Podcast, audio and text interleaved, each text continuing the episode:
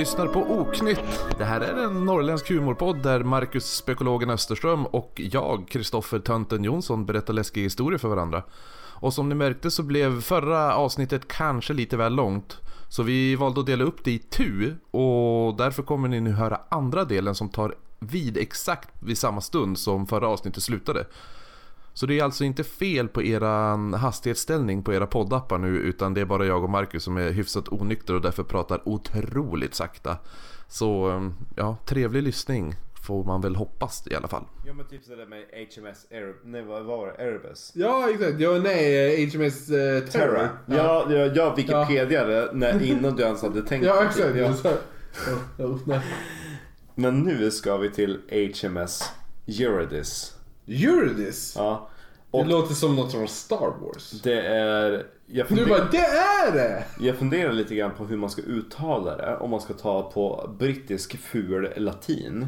Ja. Eller om man ska ta det på eh, mer rätt latin. Jaha, ja, vad är alternativen då? För eh, alternativt är brittiska Eurydice. Eller Eurydice. Eller. Eurydice. Eurydice tror jag det är.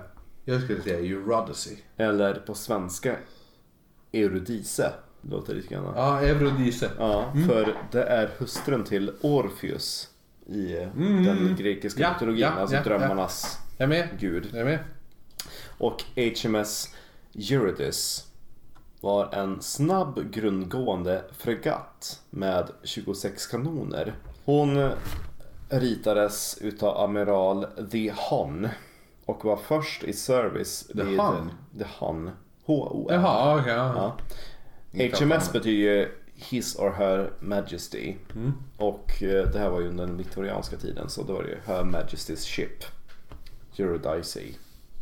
Hennes första tid i service var vid Nordamerika och Västindien mellan åren 1843 till 1846.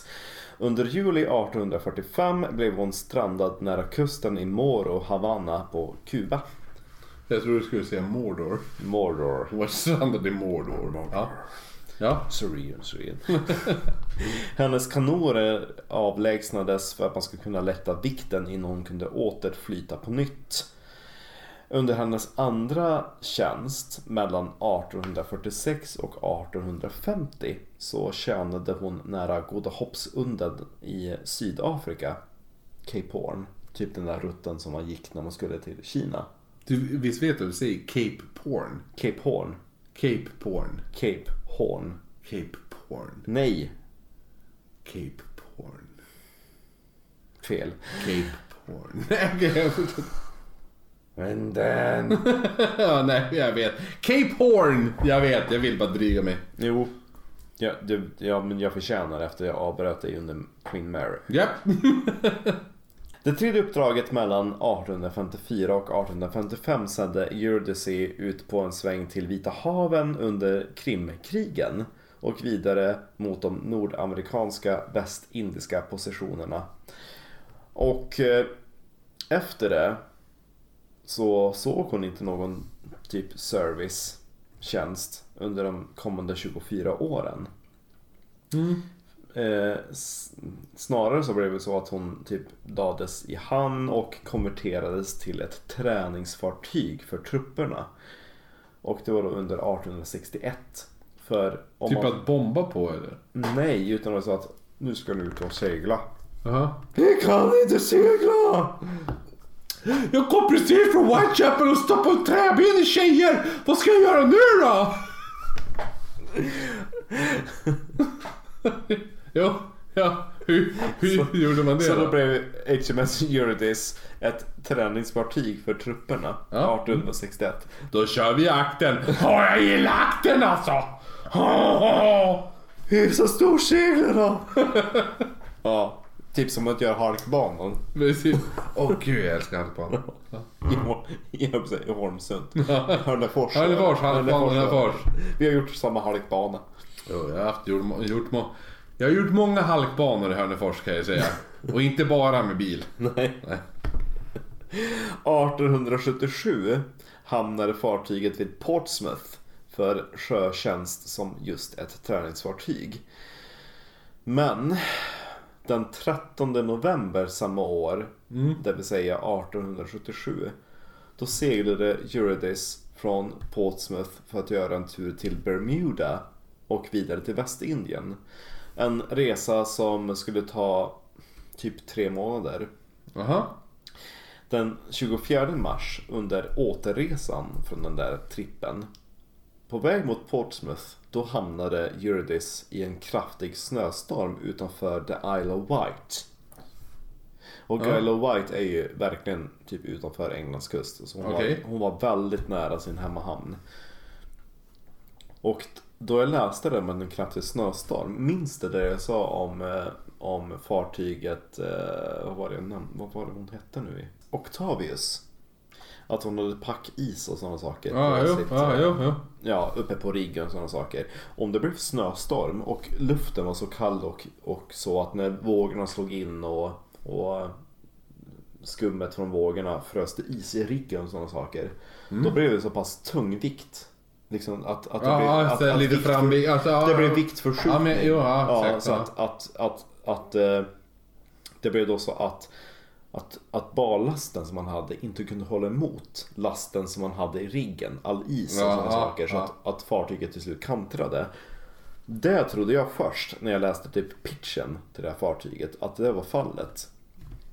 Att man hade fått så mycket snö och is i riggen så att eh, Eurydice kantrade. Men enligt samtida vittnesmål så var det så att snöstormen drog in så hastigt så att man hann inte agera. Och man lär också haft kanonportarna öppna. Så att fartyget Jaha, okej, fick ja. kantring, ungefär som med Vasa. Ja, man hade också ja. kanonportar öppna så kantrade man och, och sjönk. Folk lärde sig inte av sina misstag alltså. Mm, nej, Vasa sjönk ju tidigare än, Ja. än Eurydice. Och eh, hon sjönk ju väldigt snabbt och hastigt där Ja, utanför Isle of Wight. Endast två utav skeppets 319 besättningsmän överlevde. De få personer som hamnade i vattnet och inte följde fartyget med ner i djupet, de frös snart ihjäl i, i det kalla vattnet. Kaptenen som heter Hare, Hare, Ha, Hare. Kapten Hare. Han var en Ja, tung... det är lugnt allihopa, ni kan vara lugn. Eh, Kapten Hare ska köra er ikväll. Ja, ja. Kapten Hare. Kapten Hare. Kapten Hare var en trogen kristen och efter han hade givit orden över det fartyget så hade han knäppt sina händer, fallit i bön och följt sitt fartyg ned i djupet. Men jaha, det är Guds ja. vilja också. Ja. ja, precis. Allting som händer är Guds vilja. Ja, jo, jo. Varför dog... Varför gör du så här då? Varför dog mitt barn? Nej, men det är Guds vilja. Jaha, okej, då är det lugnt. Det är Guds vilja att de slaktade och gjorde charkdisk utav Mary Kelly. Men hon fick ju en sång på köpet. Hello everybody, I'm singing a song. Eh, ja, nej men... eh, Tillbaka till mitt fartyg. ja. Ett utav vittnena till den här katastrofen var faktiskt en person som överlevt in i moderna dagar. Vem är det då? Det, det här är väldigt... Du, jag- du behöver inte hålla för. Jag är inte så jävla nykter. Nej, det är bra. Ja. För, för tänk dig, hon som sitter på tronen nu, Queen Elizabeth II. Ja. Hennes första premiärminister var vittne till den här olyckan som skedde 1877. Åh, vänta. Det... Salisbury. Va? Mar- Marquis of Salisbury. Nej! Hennes första premiärminister. Men du säger 1877? Nej, 77. Han var vittne. Han levde då. Han var inte premiärminister. Han var vittne till olyckan. Ja, ja. Churchill. Ja! Yes! Yes! Randolph. Nej, alltså the Churchill. Han Alltså som- Winston. Ja, Winston Churchill. Jaha, oh jävlar. Var han född så jävla tidigt? Ja, han var ett vittne till katastrofen och bodde då vid kuststaden Wenton, Wentnaw Ja. tillsammans med sin familj. Och... Eh, Winner, Whatnor och. Whitney. Ja, det var ju i no- november. Nej, nej vänta, nej. Det var ju i eh, mars 1878 var det visst. Som eh, fartyget sjönk. Senare det året så lyckades man faktiskt bärga fartyget. Och då kan inte du fråga, men vänta, vänta nu då, hur bärgar man ett fartyg på 1800-talet? Alltså, jag, jag, vill, jag vill säga det, Ja. men jag vet hur man gör det för jag har samma sak i min nästa historia. Jaha okej. Ja, så att, men vi, just for show. Nej. Okej, nej. Men, men vänta, Marcus. Ja. Hur bärgar man ett fartyg då? Det vet du, det kommer i nästa historia. Jaha, okej. Men vraket som man bärgade Ja. var i så otroligt dåligt skick att man faktiskt beslöt sig för att skrota det.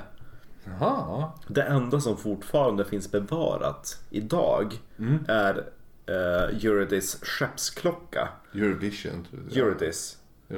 Hennes skeppsklocka finns bevarad i en kyrka på Isle of Wight. Och bland annat så finns där också i närheten ett par gravar som tillhör liken som flöt i land ifrån olyckan. Men det är nu, allt det här är jättebra upptackning. Ett fartyg som går under i princip med man och allt. Bara Ja, två ja. utav 320 drygt Ja. överlevde. Nu kommer sägnerna. Ja. Efteråt så har ju fantomfartyget Eurydice siktats vid flera tillfällen.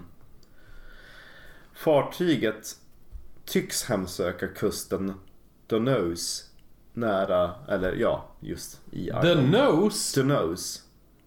D-U-N-S-O-S-E. Ja, inte the nose, alltså Nej, inte Dunose. näsan. Nej. Den hemsöker kusten Dunose på Isle of Wight. 1930 så var det faktiskt en brittisk ubåt vars befälhavare till och med vidtog åtgärder för att inte kollidera med fartyget. Jaha, ja, ja. Som såg den här tremastade fartyget. Men den mest berömda iakttagelsen utav Eurydice var 1998. Oh, året, året innan Frida. Ja. BF. Ja. Det var ju såhär. Det man precis såhär. One, så här, minus ett BF. Får vi börja yttra oss så? Det var ett år Innan, Innan innan, innan, innan. Frida. ja, innan Frida. 1998 då prins Edward.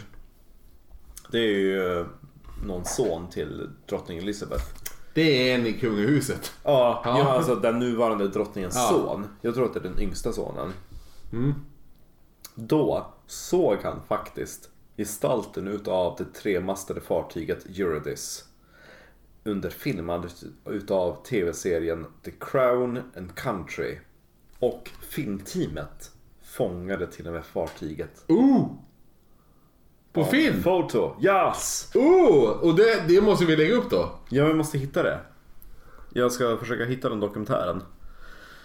För jag valde just det här fartyget typ en timme innan du kom hit. För jag Ja. hade gjort en typ en lista på fartyg, bara åh vilket vill jag prata om. Och då blir det Eurydice. För jag tyckte att det var faktiskt ett fartyg som spökar. Ja. För det som jag nämnde innan, det var typ ett fartyg med lik som man hittat. Som Ja, var jo, lite mystiskt. Ja, ja, det är klart. Eh, men då ska jag alltså berätta om någonting. Det här är faktiskt, för, för jag hade ju jag hade ju Queen Mary innan. Ja. Och Queen Mary var ju, det var kul och så, det var mycket spöken. Men Men. jag gillar mysterium. Och det här och den här båten, eller skeppet. Det här är ett jävla mysterium, Marcus. Ja. Nu får du fan hänga med. Jag måste bara svara Olivia. Shoutout till Olivia! Ja. På, på TS på G. Va? Tar du självlagret TS. Jaha, nu vet jag. Du kan få se en bild på henne. Eh, vi ska gå in på alltså 1947. Två amerikanska fartyg får ett nödmeddelande i morsekod från ett okänt fartyg och meddelandet avslöjade varken namnet eller... Nej. Och meddelandet avslöjade varken platsen eller namnet på skeppet. Meddelandet löd.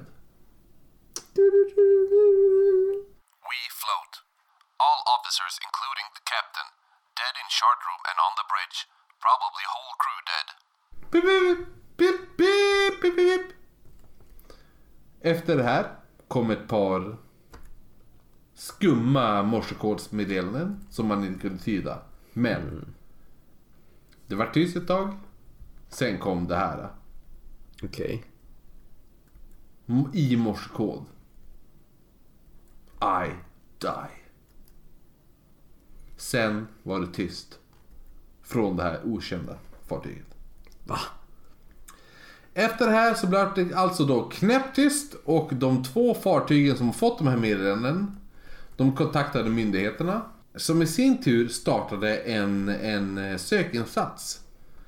Och alla båtar i närheten blev förvarnade att det kan finnas och man bör hålla utkik efter eventuellt så här, skepp, båtar eller någonting fartyg som bara driver omkring på havet.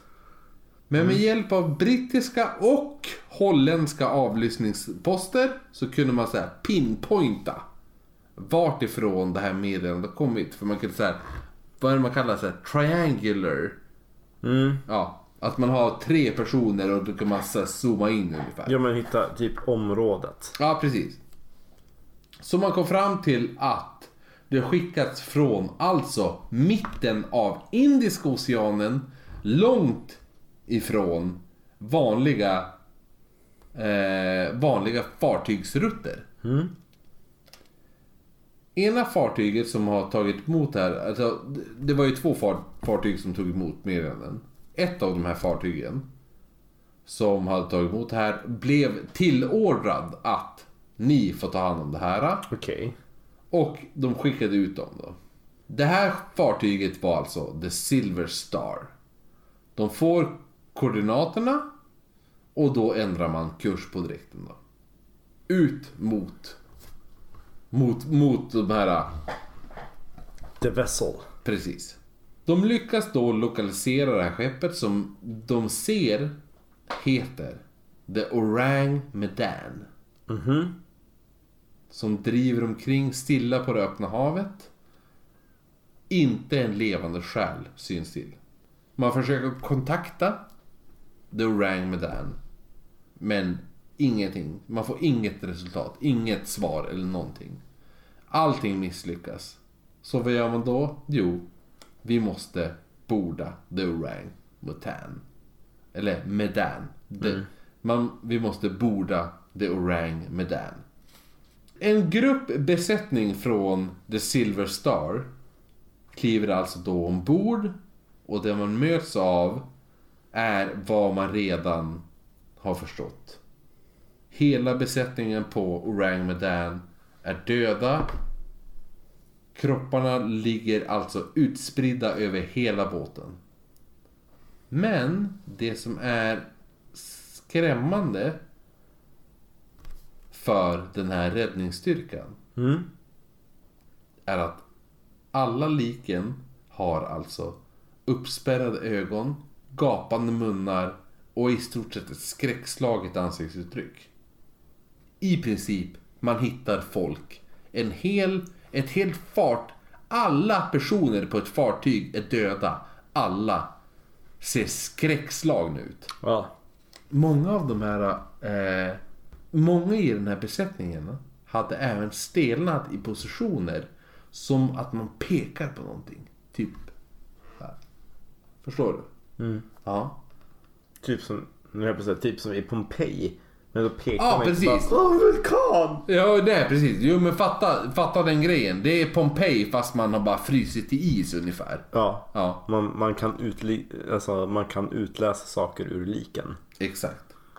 Vilket år var det här sa du? Det här är alltså 1947. Men gud. Ja, just det. Så att, så att eh, man hittar alltså folk stelnande i positioner där de pekar på någonting som något främmande farligt som kommer emot dem. Att man ser riktigt skräck skräckvälde ut eller vad man ska säga. Ja. Och att man pekar på någonting. Som, som man som, något, pekar på någonting osynligt. Eh, till och med skeppets hund hittas död på båten. Men gud. Och fast i en position där hunden visar tänder uppenbarligen som att den morrar åt någonting. Alla de här döda besättningsmännen hittas vid deras positioner, arbetspositioner. Som på Doctavius. Precis. Alla har dött under sitt arbete med ett skräckslaget ansiktsuttryck. Men ingen kan alltså komma på anledningen till varför det här händer. Skeppet var intakt, till exempel. Finns inga bucklor eller någonting. Helt intakt när man hittade det. Alla kroppar var till synes utan några som helst skador. Fanns inga att man har ramlat och slagit sig i huvudet, huvudet eller något sånt där. Men för någon anledning så märker man att kropparna börjar nu förmultna. Eller brytas ner då. Ja. Betydligt snabbare än vad som en kropp ska göra. Förmultningsprocessen går extremt snabbt. En annan orsak till att det här är lite skumt, förutom att kropparna börjar brytas ner onormalt snabbt, Ja. är på, här ute på havet i, i oceanen. Ja. Temperaturen ute på havet på båten 37 grader. Ja. Ganska bra sommarsol. Oh yes. På Orang Medan är, är temperaturen 4 grader. Va? Ja, Nej. Jo. Det hittar på. nej. Hur, va? 4 grader. Man tog för att besättningen som klev ombord tyckte att det var extremt kallt på båten. Man tog temperaturen, den missade 4 grader Celsius. Temperaturen på deras egen båt 37 grader Celsius. Men, alltså det låter ju som en hittepå-grej. Mm, ja, ja. Kaptenen för The Silver Star beslutar då att boxera skeppet. Som vi pratade om tidigare. Hur Ja. gör man det? Nej, du prat, jag pratar om att hur man bärgar ett fartyg som är sjunket. Jaha, ja men då... Sorry. Då pratar man om olika saker. Ja, ja, men nu, nu är det försvunnit i tiden. Yes. Nu sjönk det till botten. De vi pratar alltså sen, om yes. att boxera det här skeppet till land då. Så de spänner alltså fast all, rep och allting, fören och akten. Som då är, som vi sa, sjörövarspråk, sjöspråk för the butt and the front. Röven. Röven. Då märker då besättningen att det börjar ryka från båten. Och speciellt från lastrum nummer fyra. Kaptenen då, som vi pratade om tidigare, skriker nu ut orden att skära av alla rep. Och precis när de fått av det sista repet så sprängs The Orang Medan med en sån kraft att skrovet lyfts upp ur vattnet för att sedan sjunka till botten av havet och försvinna. Som tur är så klarar sig alla ur The Silver Star besättningen. Och det är därför vi vet om den här historien. Men nej. Det kommer mera. Då börjar ju folk tänka, vad är det som har hänt? Vissa tror att det här kan ha varit ett mänskligt experiment gjort av staten. Typ! Om du vet. Det här ser jag nu. Det här kommer bli ett avsnitt som vi gör. MK Ultra. Nej, Vet du vad det är? jag tror inte det. Ja, det är, oh, gud vad du kommer gotta ner i, i... Gud, oj oj oj. Eller The Philadelphia Experiment. Nej. Okej. Folk får väl googla det då, men det här är, om vi säger så här, de två tillsammans är, är mer än Jack the Ripper avsnitten. Are you sure? Ja. Will, Viss, vissa... Tro- ja. will its features are real? Ja, ja, jo ja. Okej. Väldigt mycket Syrian. Vissa tror däremot att det kan även ha något övernaturligt eller par, paranormalt som ligger bakom de här mysterierna. Men! Nu kommer det roliga som jag gillar. Ja. Och det är alltså att The Orang Medan kan ha varit en täckmantel då fartyget egentligen heter något annat som man inte egentligen vet nu. Men det här efter att en tysk snubbe som hette något tyskt. Jag har inte kollat upp det. Schmidt. Ja, han heter bara Kaiserschein! Ja, något sånt. Han har pub- publicerat ny information. Speciellt om frakten ombord Okej. i lastrummet där då. Han menar då att, att, att skeppet smugglade kaliumcyanid och nitroglycerin. Vilket även då förklarar varför eh, eh, skeppets position var där den var. Då de inte vill bli upptäckta och därför trycker sig bort från vanliga fartygsrutter. Ja. Och att vatten, havsvatten kan ha kommit in i lastutrymmet och då reagerat med den här kal- kaliumcyaniden. Och på så sätt har förgiftat besättningen ombord. Och att vattennivån under dagen med, har då stigit hela tiden i lastutrymmet.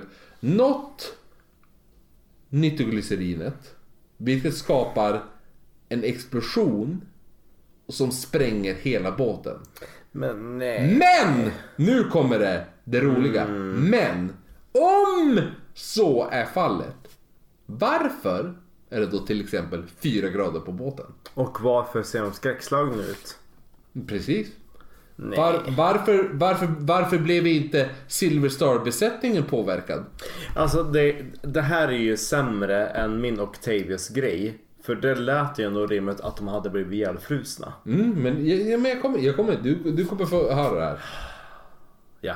Ja, men jag, jag, jo, jag är på din sida just nu. Bra. Ja, jag säger det. Men varför? Varför är det inte på det här? Continue. Ja. Sorry. Varför, varför är det fyra grader på båten? Varför är inte Silver Star-besättningen påverkad av cyanidförgiftningen som händer? Eh, varför till exempel, eh, för det är ju super, det är supergiftigt i så fall ifall det Ja. och finskar. Och cyanid, cyanid ger inte en smärtsam död. Ifall du blir förgiftad av cyanid så blir du inte, då dör du inte en smärtsam död. Precis. Nej. För det är därför nazisterna tar cyaniden. Ja, jo, tog i sig. Så då, varför var kropparna vridna i smärta och skräck? Ja. Och pekar någonstans. Mm. Och varför förruttnar de så snabbt? Precis.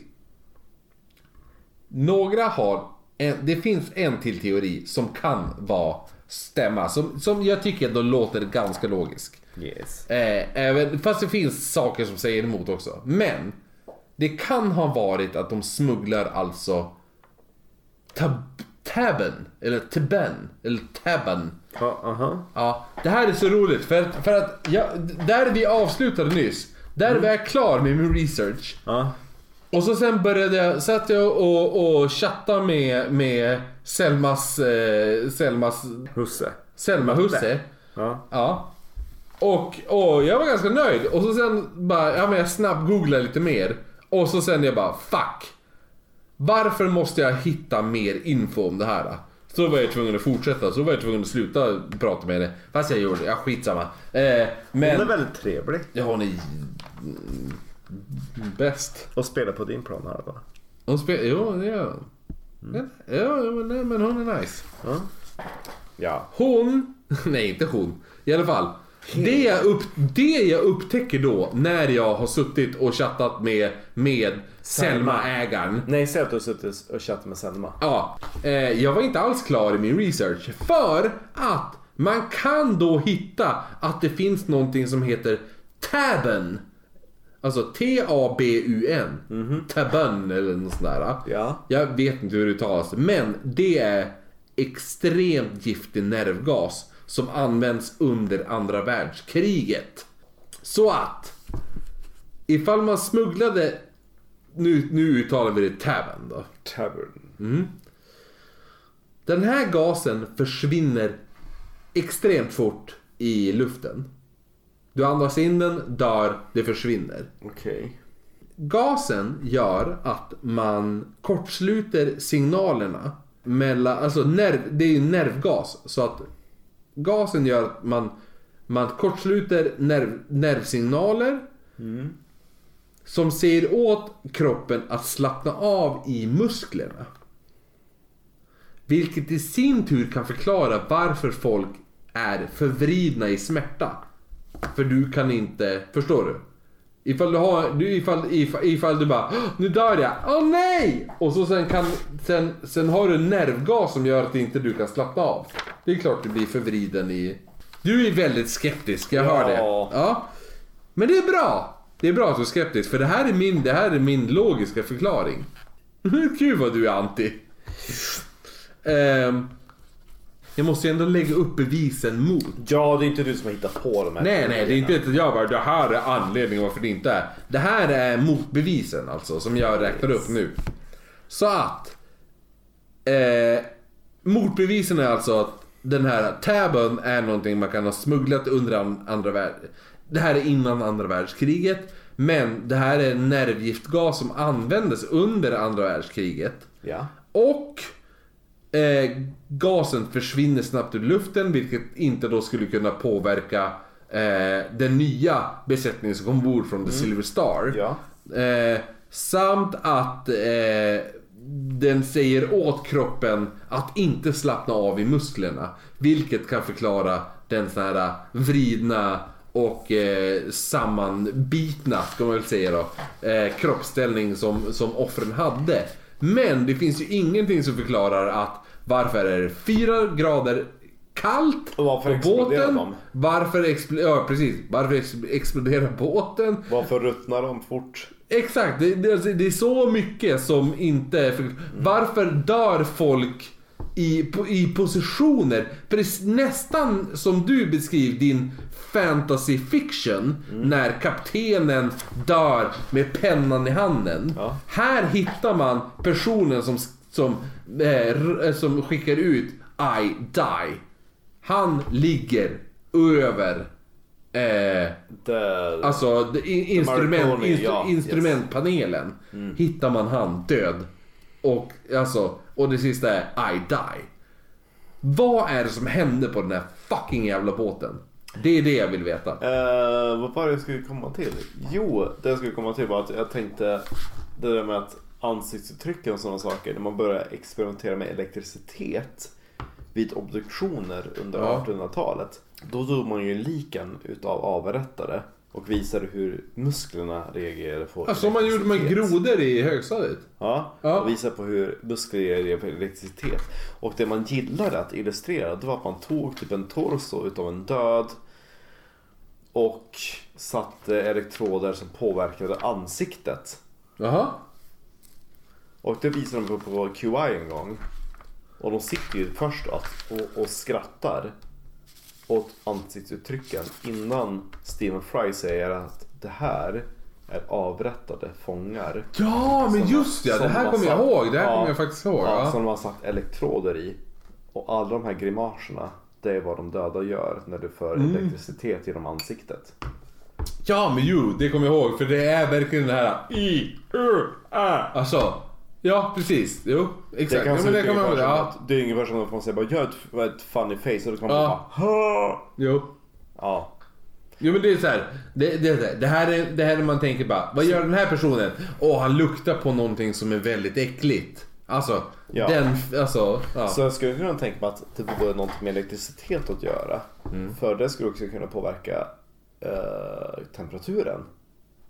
Jo, fast samtidigt, varför, för, varför ruttnar folk jättefort? Det är just den som jag inte lyckas förklara. Varför är, varför är det fyra grader, varför är fyra, fyra grader på båten men inte, men 37 grader på båten bredvid?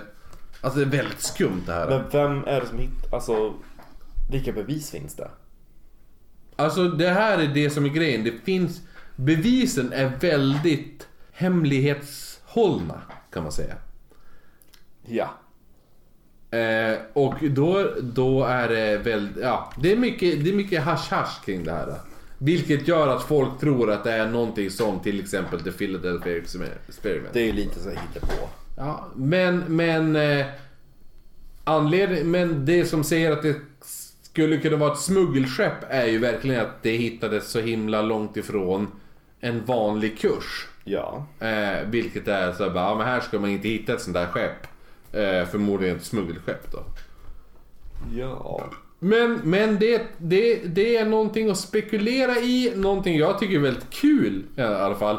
Och som, som eh, direkt man bara konspirationsteori. Definitivt. Särskilt under eh, tiden före andra världskriget. Ja, jo. Men vet du vad? Ja. Som är roligt. Du ska avsluta den här podden nu. Och du ska även fråga mig vad jag har valt för nästa tema. Kristoffer, vad har du valt för nästa tema?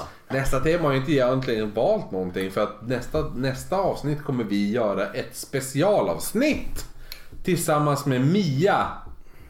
Som har satan så gott på Instagram. Åh, vad gott det lät. Ja, och hon har, kommer ta hit några sexiga...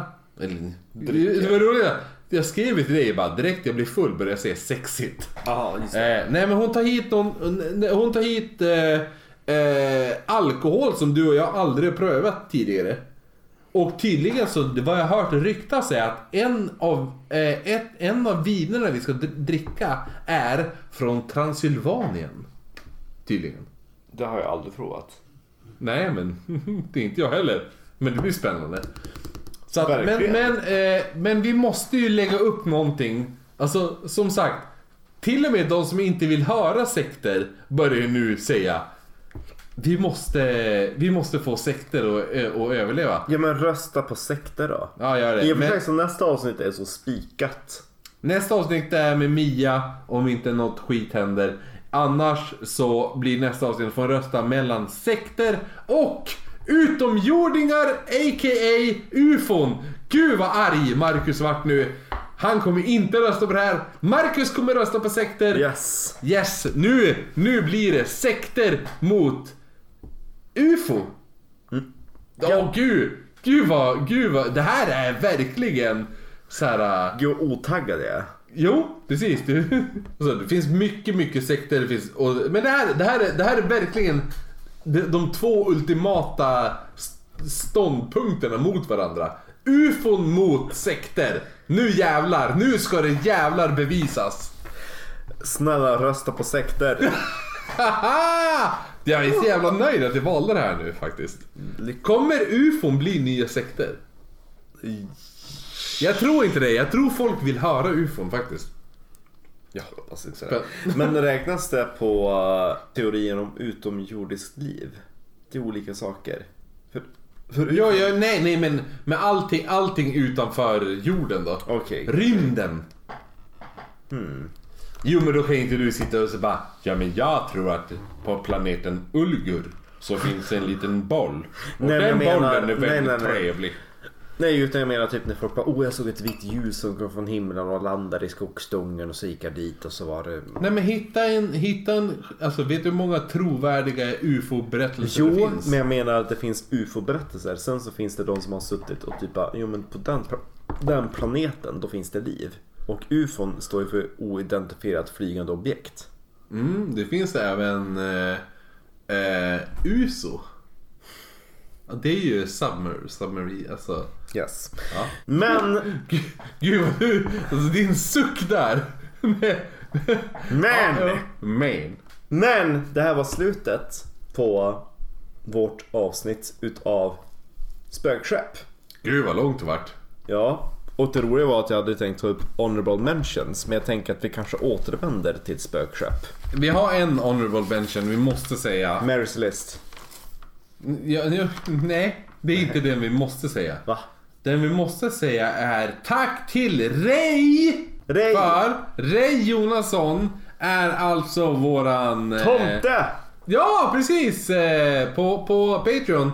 Som donerar alltså 5 dollar i månaden till oss. Och från och med nu alltid, varje avsnitt tills det vi... Alltså okej, ifall vi får 5000 personer som gör samma sak. Då kanske vi kommer ändra Vi har det. gjort en begränsning. Ja, precis. Faktiskt. Nå- någonting händer. Men från och med nu kommer du alltid få en, en shoutout i varje avsnitt. I slutet av varje avsnitt av Oknytt.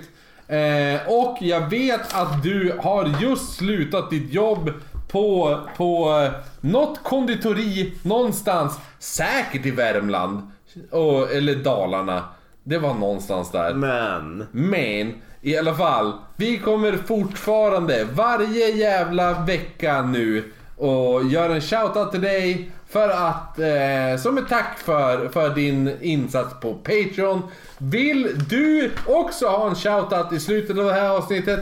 Ja, ge oss pengar precis som Ray Jonasson gör som är bäst! Ja, eh, ni har alltså lyssnat på Oknytt.